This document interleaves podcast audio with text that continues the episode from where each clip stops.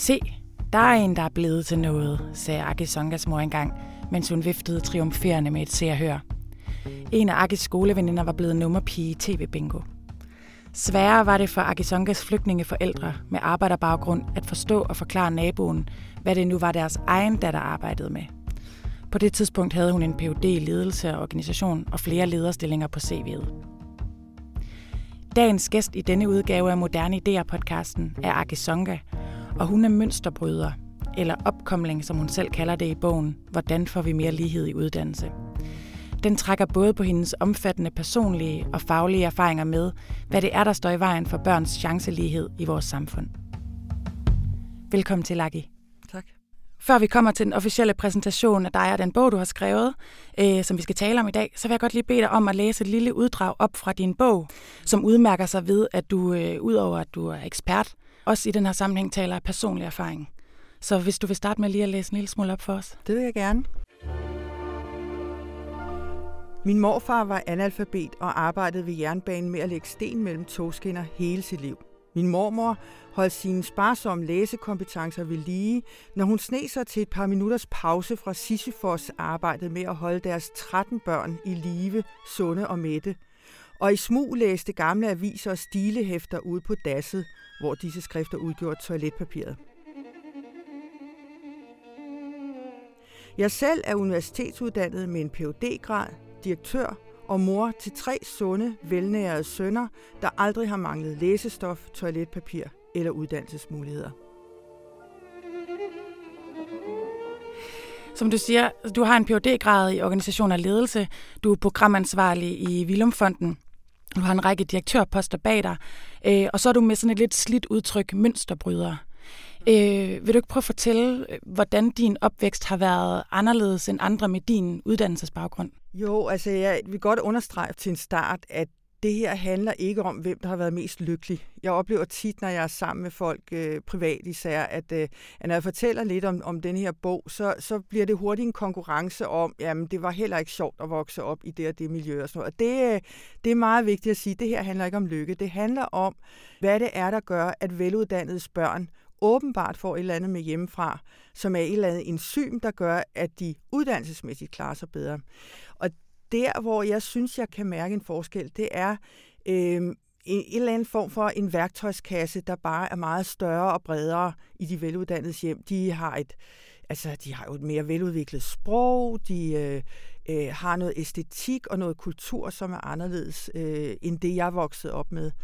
Øhm, og da jeg var barn, kunne jeg jo mærke det i de meget små ting. Altså sådan noget med, om hvordan der så ud derhjemme, om hvad det var for nogle malerier, der var på væggene hos mine veluddannede veninder, øh, eller veluddannede forældre der. Der, der var det jo meget med øh, abstrakt kunst og, og, og pænt porcelæn og sådan Og der var sådan set også rigtig pænt og rent hjemme ved mig. Det var bare en helt anden type hjem med noget helt anden type kunst. Mm.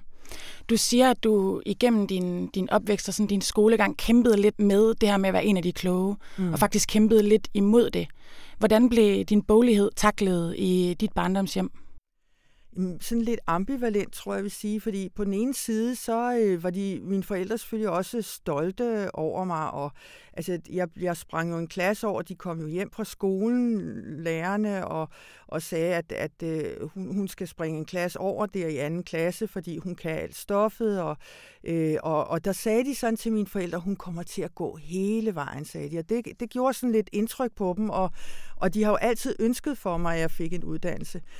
Og samtidig så var det jo noget, som især det var barn, ikke rigtig var noget, der, der gjorde noget godt for mig. Altså det var mine forældre, det var også lidt underligt for dem, at jeg havde de her kompetencer, som jo gjorde, at jeg talte sprog bedre end dem, og jeg stavede bedre end dem, og øh, det var mig, der skrev brevene til kommunen og sådan noget, så de var jo sådan, det, det der mærkelige forhold, det gav, var, var svært. Og så var det bare sådan et eller andet med, at øh, jamen det at være klog, altså ja, i, i hverdagen var det noget, noget, noget jeg ikke det var ikke noget, jeg gjorde noget for. Det var, ikke, det var ikke noget, jeg arbejdede særlig hårdt for, så det var heller ikke noget, jeg skulle belønnes for. Så det var sådan lidt, ja, ja, nu skal du heller ikke tro, du er alt for klog. Så det var meget ambivalent, synes jeg. Hvad, hvad var din forældres baggrund? Hvad lavede dine forældre? Øh?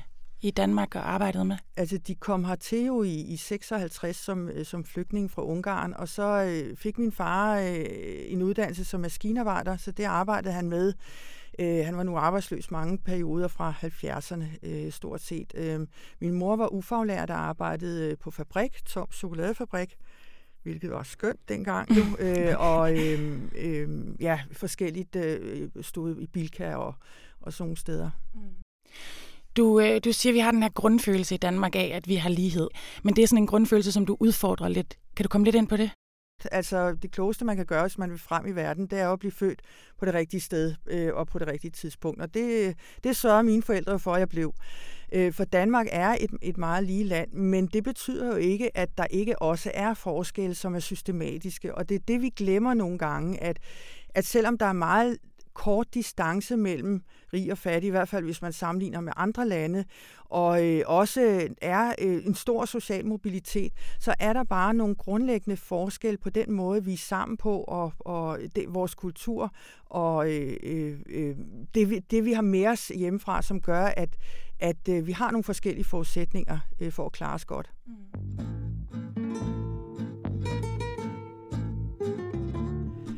Jo, vi har fundet ud af noget smart hjemme hos os, forklarer lektoren mig, da vi smalltalker ved kopimaskinen, hvor jeg står og passer mit arbejde som studenter med hjælp på Institut for Statskundskab. Vi har et konversationsleksikon både i stuen og ude i køkkenet, for det er jo hen over middagsmaden, man kommer til at diskutere noget, der skal slås op, ikke? Han smiler skælmsk indforstået til mig. Men der er så meget i hans udsagn, som er så forkert i forhold til det, jeg kom fra. Hjemme hos mig talte man aldrig om noget over aftensmaden, der skulle slås op. Man snakkede om konkrete ting, der skulle ordnes, eller man snakkede om konkrete hændelser. Men min far foretrak, at der var stille, for han var træt, og man skulle jo spise, mens maden var varm. Hjemme hos mig blev fjernsynet tændt lige efter aftensmaden og slukket, når man gik i seng. Så hjemme hos mig var der ikke behov for noget konversationsleksikon, hverken i stuen eller køkkenet. Det var det, der var det sværeste ved at være et arbejderbarn på universitetet. Ikke det faglige. At knække faglige koder var piece of cake. Og ikke det sociale. Jeg havde med tiden raffineret min flabede attitude, så den næsten var charmerende, og i hvert fald fint dækkede min usikkerhed. Nej, det sværeste var denne oplevelse af, at den tilværelse, jeg kom fra, lige så godt kunne have fundet sted på Mars. For underviserne og mine studiekammerater var min opvækst noget, man læste om i en sociologibog under overskriften Arbejderklassens nonverbale kommunikationsformer. Det var som om min familie og jeg ikke rigtig fandtes i virkeligheden. Du har sådan to hypotetiske drenge i din bog, øh, som vi ligesom følger, som du kalder Storm og Patrick, som du bruger til at vise, hvordan den her systematiske skævhed den går igen. Hvordan er det, at Storm og Patricks vej gennem skolelivet adskiller sig fra hinanden? Jamen, Storms forældre er begge to veluddannede, så det betyder, at de har talt meget med ham, øh, lige siden han var en lille bitte baby. Øh, de har tegnet med ham, de har øh, gået ture med ham, og de har stimuleret ham på alle mulige måder. Så allerede, når, når de starter i børnehaven, Øh, eller i vuggestuen for den sags skyld, så har Storm et øh, fortrin frem for, øh, for, frem for Patrick, hvis forældre er kortuddannede, de har måske ikke nogen uddannelse. Det har været søde, kærlige forældre, og Patrick er en glad og velfungerende dreng, dreng. Men han har ikke det samme sprog, og han har sådan set heller ikke de samme sociale kompetencer som Storm. Og det kan man se allerede fra de tre år. Storm har, øh, er bedre til selvkontrol, han, har, øh, han er mere vedholdende, øh, og det er nogle forskelle, som har stor betydning for os, hvordan de klarer sig i skolen senere hen. Mm. For der vil, også være, der vil det også være sådan, at Patrick han øh, ligger i bunden, når de tager de nationale test i anden klasse, og Storm ligger i toppen. Og præcis samme forskel vil der være på dem, når de tager testen i 8. klasse. Så det, som øh, Storm har med sig hjemmefra, det hans forældre lægger i ham, er sådan set altafgørende for, hvordan de klarer sig senere hen. Mm. Akisonga er født i 1960 og er Ph.D. i ledelse og organisation for Københavns Universitet. Hun har tidligere været direktør for VIVE, det Nationale Forsknings- og Analysecenter for Velfærd, og direktør for Danmarks Evalueringsinstitut EVA, for uden formandskab for Rådet for Børns Læring. I dag er hun programansvarlig i Vilumfonden og aktiv i en række kommissioner og udvalg med fokus på netop uddannelse og integration. I dag taler jeg med hende om hendes bog, hvordan får vi mere lighed i uddannelse. Altså, jeg synes, der er meget mavefornemmelse i det her også, ikke? Altså, netop som du også siger med, synes man, at vi har et lige samfund, eller synes man ikke? Men hvad, hvad har forskningen at sige på det her område? Hvad, hvad er det, vi, vi ved omkring Storm og Patricks forskellige opvækster, hvis vi mm. kigger på, øh, mm. på forskningen? Altså de sidste, jeg vil sige, det, det er ikke noget, man har forsket så meget i andet end måske de sidste 10, og hvis man tager internationalt, måske 20 år.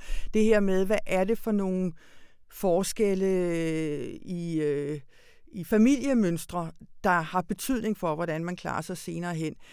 Det er ikke kun familie, det er selvfølgelig også skole og dagtilbud. Det startede egentlig tilbage i, øh, i 60'ernes USA, hvor at nogle, nogle øh, pædagogiske forskere satte sig for at teste, hvad kan man egentlig, hvis man giver de allermest udsatte børn noget rigtig god øh, omsorg og læring, altså nogle rigtig gode dagtilbud. Hvad sker der så med dem? Øh, og det lavede de nogle forsøg med der i 60'erne, og grunden til, at de er interessante i dag, det er, at man fulgte børnene, man følger dem sådan set stadigvæk, og man lavede en kontrolgruppe, så man kunne se børn, der ikke havde fået det her fantastiske dagtilbud, hvordan klarer de sig. Og man kan simpelthen se, at de fik det her gode, lækre dagtilbud, øh, som gjorde, at deres IQ simpelthen steg markant. Men lige snart de kom tilbage i deres øh, øh, ghettoskoler, så faldt den igen øh, til det samme niveau som de børn, der ikke havde været i den slags institution. Men alligevel, så klarer de her børn sig bedre på alle de parametre, vi måler livsstil på, altså job og uddannelse, løn og sundhed osv. Så, videre. så det er det, der fik øh, forskerne, eller der har fået forskerne til at interessere sig mere for, hvad er det, øh, hvad er det for nogle sociale kompetencer, vi får med os, og, og hvad, har, hvad har de her betydning for, hvordan vi lærer? Mm. Øh, og det er sådan, øh, og, og det er det, man begynder at kigge noget mere på, og også kigge på, hvad er det for nogle forskelle i familier, vi kan se, altså alt efter om det er veluddannede familier eller kortuddannede. Hvad er det for nogle forskelle, vi kan se, og hvad betyder det? Mm. Øh, du skriver, at der er nærmest en slags myte omkring den sociale arv, at vi tror, at kontanthjælpsmodtagere avler kontanthjælpsmodtagere, øh, men at den negative sociale arv faktisk ikke findes. Øh, mm. I hvert fald ikke sådan, som vi tror. Hvordan hænger det sammen med, at du jo alligevel hævder, at der er ulighed i uddannelse? Mm. Det er sådan mm. lidt en, en, en kringlet ting at, at forstå. Det er super svært, og det, det er jo i virkeligheden øh, også øh, noget med at holde flere forskellige perspektiver sammen på en gang. Fordi som sagt, så har vi jo høj social lighed i Danmark. Vi har også en meget høj social mobilitet, og det betyder i bund og grund bare, at børn ender et andet sted end der, hvor deres forældre er økonomisk, socialt eller uddannelsesmæssigt. Og det der, kan være i begge, det kan være i det begge kan retninger. i begge retninger, ja. men typisk ja. går det jo, øh, rigtig ofte går det jo opad. Så vi har en høj social mobilitet, men det er klart, at der, øh, at, øh, det ved jeg ikke, om det er klart, men det er sådan, at sandsynligheden for, at man, hvis man har nogle forældre, øh, der er meget udsatte, at man selv havner i en udsat gruppe, den er højere, end hvis man har veluddannede forældre. Så, men det er jo sandsynligheder. Så det er, ikke, det er jo ikke det samme som, at det ender sådan for de fleste. Mm. Så sagen er, at sandsynligheden for, at det går en skidt, er jo højere, øh, øh, jo mindre uddannelse man har. Men reelt så at ved de fleste børn, de flytter sig altså øh, længere væk og længere op øh, i forhold til, til deres forældre. Så, så det er sådan, øh, altså man kan sige, chancen for, at det går galt, eller risikoen for, at det går galt, er bare højere. Men det går altså godt for rigtig mange, eller bedre. Øhm, så det er den ene ting, altså at, at, øh, at det er ikke så entydigt. Det andet er, at vi har der også med at, øh, at sætte lighedstegn mellem restgruppen og så social arv. Altså vi har sådan cirka altid, i øvrigt næsten altid gennem alle tider, sådan cirka 20 procent af unge, der sådan er marginaliseret på forskellige måder. Og der har vi det med at sige, at det er jo dem, der er vokset op på en, en, en eller anden nedlagt landbrugsejendom på Lolland. Øh, men det er faktisk ikke, faktisk ikke tilfældet, fordi cirka halvdelen af dem, der er socialt marginaliseret, de kommer egentlig fra det, vi vil kalde velfungerende hjem. Øh, så der kan være andre grunde til, at de unge havner der. Det er bare, at billedet er mere nuanceret end som så, og, og jeg synes, det er lidt ærgerligt at tale om negativ social arv, fordi det er så deterministisk. Altså det er som om, at der er bare ingenting øh, at gøre. Det er egentlig ikke det billede, der tegner sig. Men at mønstrene stadigvæk er de samme, altså man fly- så langt flytter man sig ikke fra stammen, kan man sige. Mm. Man flytter sig, men ikke længere væk, end man altså stadigvæk kan få øje på det træ, man er vokset op ved. Du er også inde på, at du synes, at der er en, en enorm fokus på den sociale mobilitet, der går i den ene retning, altså at man får en bedre uddannelsesbaggrund og bedre jobs og flere penge og mere social prestige, måske end ens forældregeneration har haft, men at vi ikke har nok fokus på social mobilitet den, den anden vej. Mm. Altså er der bare flere professorbørn, der skal være sosuer, eller hvordan, øh, og hvordan, hvordan delen skal vi få det til at ske? Jamen, øh, det, man kan sige, det, det er jo en god ambition at have, at øh, de fleste mennesker skal få sig en uddannelse og, og klare sig godt. Øhm, og det, det, det, jeg egentlig siger, det er, at den vision har måske spillet lidt øh, uheldigt sammen med en eller anden forestilling om, at vi alle sammen, som især trives i 90'erne med, at vi alle sammen skal være symbolanalytikere og, øh, og vidensarbejdere, og al produktion blev sendt til Østeuropa eller Asien. Og, øh, og, og så blev det lidt til lidt noget uddannelsesnopperi, at det var ligesom bare finere, jo højere og jo mere uddannelse man får. Og det er lidt ærgerligt, synes jeg. Så man kan sige, at, at det, øh, det er egentlig Øh, tænker er målet, det er social diversitet. Altså vi vil gerne have, at for det første, at alle kan blive lige præcis, hvad de har lyst til. Øh, men også, at vi har tømrere, hvis forældre er professorer. Vi har også øh, socioassistenter, hvis far er topleder. Vi har også kontorchefer, hvis børn øh, bliver øh, noget andet. Altså det der med, at vi hele tiden tænker i, at, at jo flere livserfaringer, der er til stede, i alle samfundets lag eller i alle samfundets institutioner, jo, jo, jo mere får vi øje på, at øh, der er forskellige måder at leve på. Mm. Altså, hvad er barriererne for det? Er det simpelthen snopperi? Altså, er det, er det samfundsmæssigt snopperi, eller... Det, det er både noget, noget uddannelsesnopperi, og så desværre også, at det at øh, arbejde med sine hænder og arbejde med formgivning af den fysiske verden, eller hvad man nu vil kalde det, har fået en meget lav status i skolen. Og det er noget af det, øh, øh, jeg tænker, man skal arbejde med, og som man heldigvis også er begyndt at få øje på, altså med at opprioritere praksisfaglighed, gøre, gør håndværk og design til noget, man faktisk øh, tager alvorligt i skolen. Så, så det at vise, at man tidligt i skolen og hele vejen op øh, igennem skolen også arbejder med, øh, med hånden og arbejder med at, at skabe ting, produkter, øh, det er jo med til, at mange flere børn øh, kan få øje på, at gud, det her kunne faktisk godt være noget for mig. Og det tror jeg er vejen frem, at, den, at praksisfagligheden får en højere status. Det havde været en af de travle dage. Stort medarbejdermøde om morgenen i kantinen, hvor jeg skulle være tydelig omkring de sparekrav, der var på vej, og samtidig forsøge at holde gejsten oppe og ikke male fanden på væggen. Senere blev jeg interviewet i TV2 News, og så er jeg stadig fuld fart til Hellerup for at hente den mellemste fra basketballtræning. Her skulle jeg så lige overstå lidt civil small talk med Hellerup-fruerne, der som vanligt stod ved sidelinjen under hele træningen med deres marineblå bisselsko, tørklæder og ulastelige hår. Selvom jeg egentlig følte mig ret bysmart i mit karriereoutfit with a twist, så mere mærkede jeg end så den svage vibreren med næsebordet over mine lidt for spidse støvler. Jeg kom til at tænke tilbage på mit første store internationale topledermøde som afdelingschef i TDC-koncernen, hvor der i mødeindkaldelsen var angivet business attire som dresscode. Jeg brugte oceaner af tid på at nå frem til, at det nok betød noget med en tækkelig hvid skjorte, jakke og en nederdel, der gik ned over knæet. Der lærte jeg så, at kun amatører tager nedskrevne dresscodes bogstaveligt. Dem med klasse, de ved, at der er tale om dresscode plus minus 10 procent, og man er først rigtig inde i varmen, når man rammer præcis de 10 procent ved siden af til den rigtige side.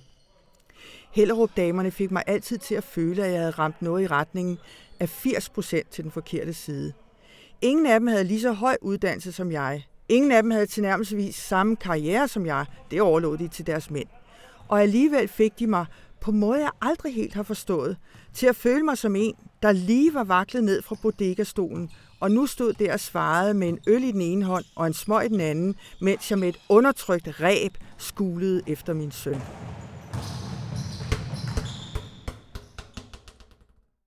I bogen så fortæller du også meget om, hvordan det er i de kulturelle koder, det ligger. Altså, at det er, det er i virkeligheden det, som er hovedpointen i din bog. Det er, at det er kulturen, der på en eller anden måde skal ændres. Øh, hvad er det for nogle kulturelle koder, som du som, som ung kvinde på vej op gennem uddannelsessystemet havde svært ved at, ved at tolke og ved at finde dig til rette i? Eller som du måske bedre kan se udefra, fordi mm. du også har et andet perspektiv? Mm. Jamen, det er jo øh, det er mange ting. Altså, det er både, øh, det er, jo, det er jo sådan helt ned. Jeg er stadigvæk sådan en, der klæder mig meget spraglet. Og det ved jeg, altså det har jeg sådan lidt. Jeg kan godt se, når jeg kigger mig omkring, at jeg tit er den, der har mest øh, også nu, øh, as we speak, øh, mest farverigt tøj på. Altså det der med at være afdæmpet og gå i sandfarvet og sort og sådan, det, det, det er en af koderne. Altså at man ikke, at man på en eller anden måde øh, dæmper sit udtryk øh, og, og afstemmer det. Øh. Det kan også være, at øh, hvordan man indretter sig i hjemmet, øh, det med at kende designerne og, og ikke falde i med at lige tage øh, de allermest oplagte, men ligesom have lidt have sans for, hvordan man indretter sig med designermøbler. Øh, øh, det kan være at øh, konversere, altså den der måde at tale på, hvor man sådan øh, flyder, og man flyder fra det ene til det andet, og trækker lidt litteratur ind her, og lidt kunst ind der, og, og mange af de her koder, der, der, der er så mange, som man ikke drømmer om det. Men sig, det at kende, altså det at bruge energi på at lære dem at kende, skal man bare ikke undervurdere. Øh, altså hvor meget energi øh, folk, der ikke kommer fra de miljøer, bruger på bare at afkode nogenlunde, hvordan øh, hvordan det spiller her. Det kan jeg se i øvrigt også, at mange af de øh, etniske minoritetsunge, jeg møder i dag, de kæmper med præcis det samme øh, og bruger så meget energi på det. Så det er sådan en magt, der ikke engang ved, den selv er en mm, magt på Præcis, en eller anden måde, ja. øh, som ikke ser sig selv sådan. Ja. ja. Du nævner også noget med at være hjemme ved en veninde, hvis mor ligesom kommer med et forslag til, at du måske kunne lade være med at spise en, en chokolademad mere, mm. og du ikke forstod, at, at det var en skjult kommando. Mm. Mm. Øh, og den slags sådan indpakninger, ironi og, og sådan ja, nogle ting. Ja, ironi er også et meget godt eksempel øh, på det. Den situation, du beskriver, det er også især, der var, der var øh, meget mindre, altså netop sådan, øh, det med at internalisere normer, ikke? Altså at, at øh, hjemme hos mig, der fik man hele tiden at vide, ja, nej, du må, du må ikke. Her var det sådan mere noget med, prøv lige at overveje, om det er en god idé at tage en chokolademad med, eller prøv lige at mærke, er det ikke lidt koldt? Tror du ikke, det er en god idé at tage en trøje på? Altså, hvor man selv skulle mærke efter. Det er jo super nyttige øh, kompetencer at have, og det er jo det, man skal bruge øh, også senere i livet, når man skal træffe valg og uddannelse og sådan noget, men det, det var bare ikke noget af det, man, det, man ikke er vokset op med nødvendigvis. Og så er den her øh, bogrække Moderne Idéer jo meget interesseret i det her med løsninger. Du er, faktisk, du er faktisk også en af dem, som har nogle konkrete bud på, hvad vi skal gøre, altså for at vi kan mod, modgå de her kulturelle skævvedninger. Forskningsmæssigt, så mener du, at vi mangler meget viden om, som du også var inde på tidligere, hvordan familier lærer fra sig, øh, og at det måske er lidt mere komplekst end bare øh, forældrenes uddannelsesniveau. Hvad, hvad mener du med det?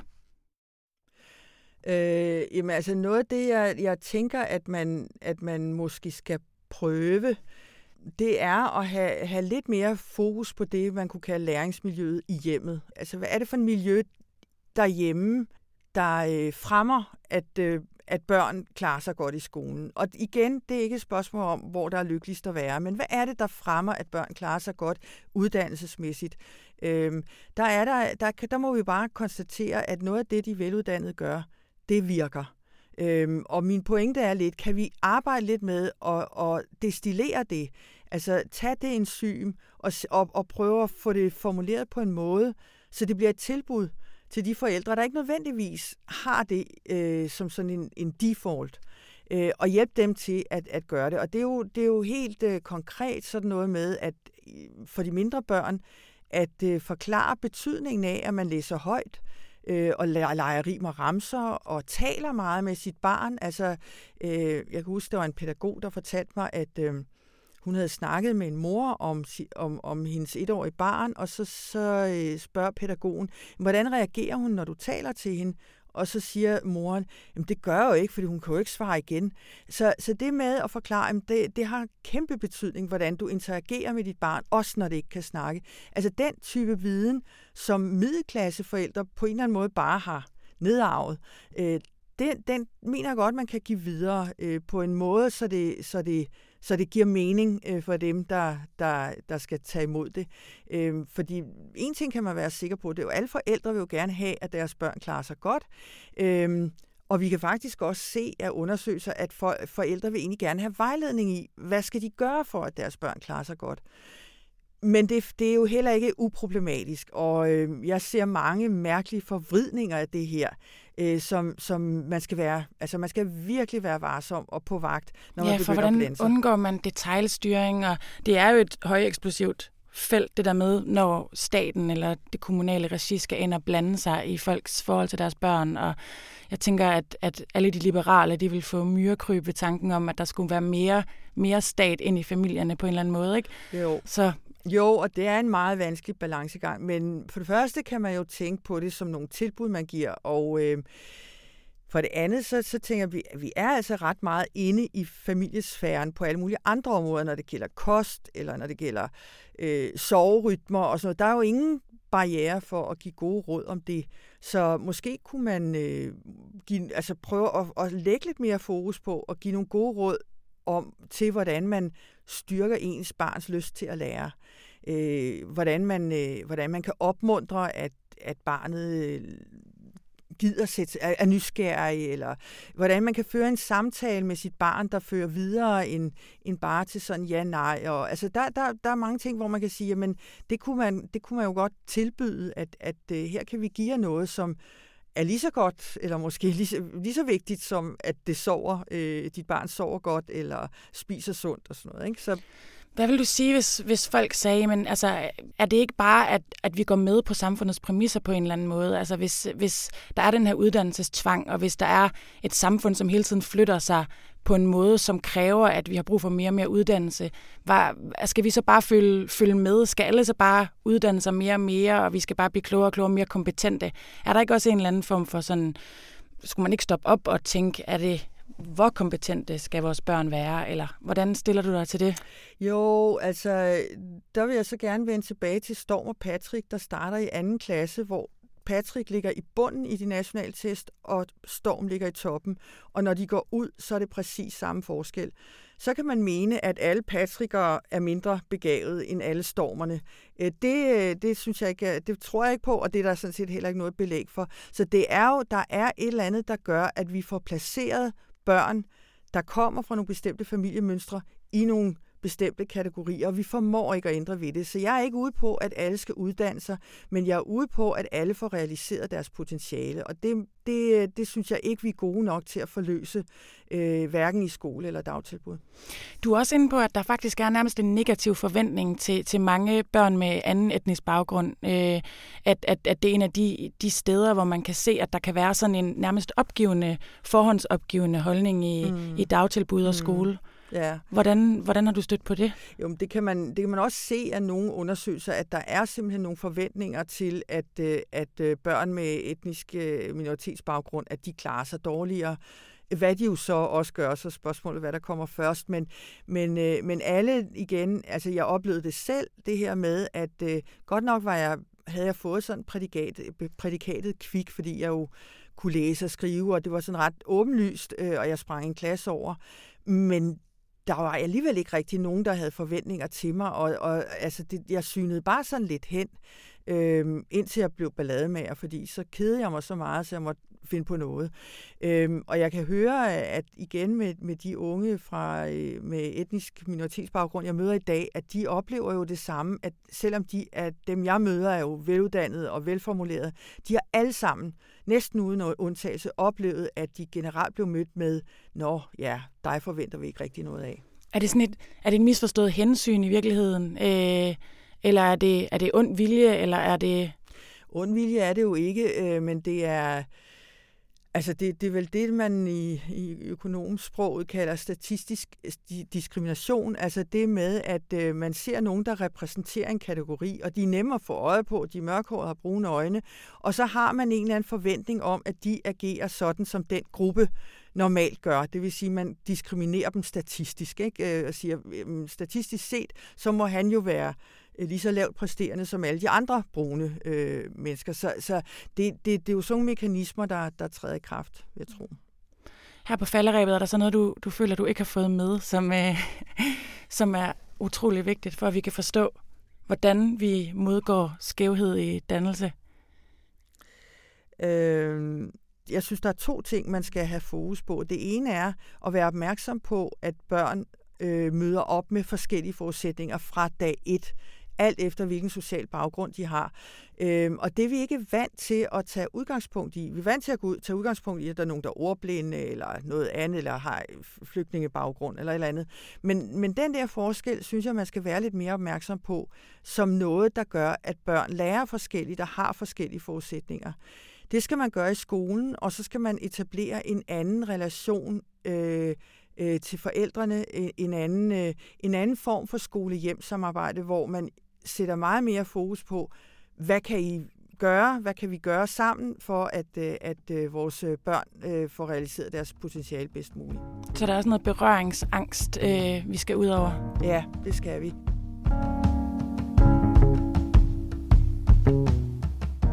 Det var nu godt, hun ikke blev nummerpige, så kunne jeg ikke sige tak til Akisonka for i dag. Jeg vil også gerne sige tak til vores sponsorer. Moderne idéer i både skrift og lyd er støttet af Lundbækfonden, Bestlis Fond, Augustinusfonden og den Hjelmstjerne Rosenkroniske Stiftelse. Du kan abonnere på os i iTunes eller andre podcast-apps, og husk, at du kan gå ind på information.dk-podcast og finde alle informationspodcasts. Vores ugenlige magasin Radio Information holder fanen højt sommeren over, og der er dannelse i stride strømme i podcasten Deutschstunde, der opdaterer dig på den tyske højkultur, og i podcasten Det skønne Rusland, som giver dig litteraturens, filmens og videnskabens Rusland tilbage. Husk, at du får 15% rabat på alle bøgerne i Moderne Idéer-serien. Gå ind på hjemmesiden butik.information.dk og shop løs. Jeg hedder Eva Ejstrup, og med i redaktionen er også Rasmus Ravn Vest. Vi høres ved.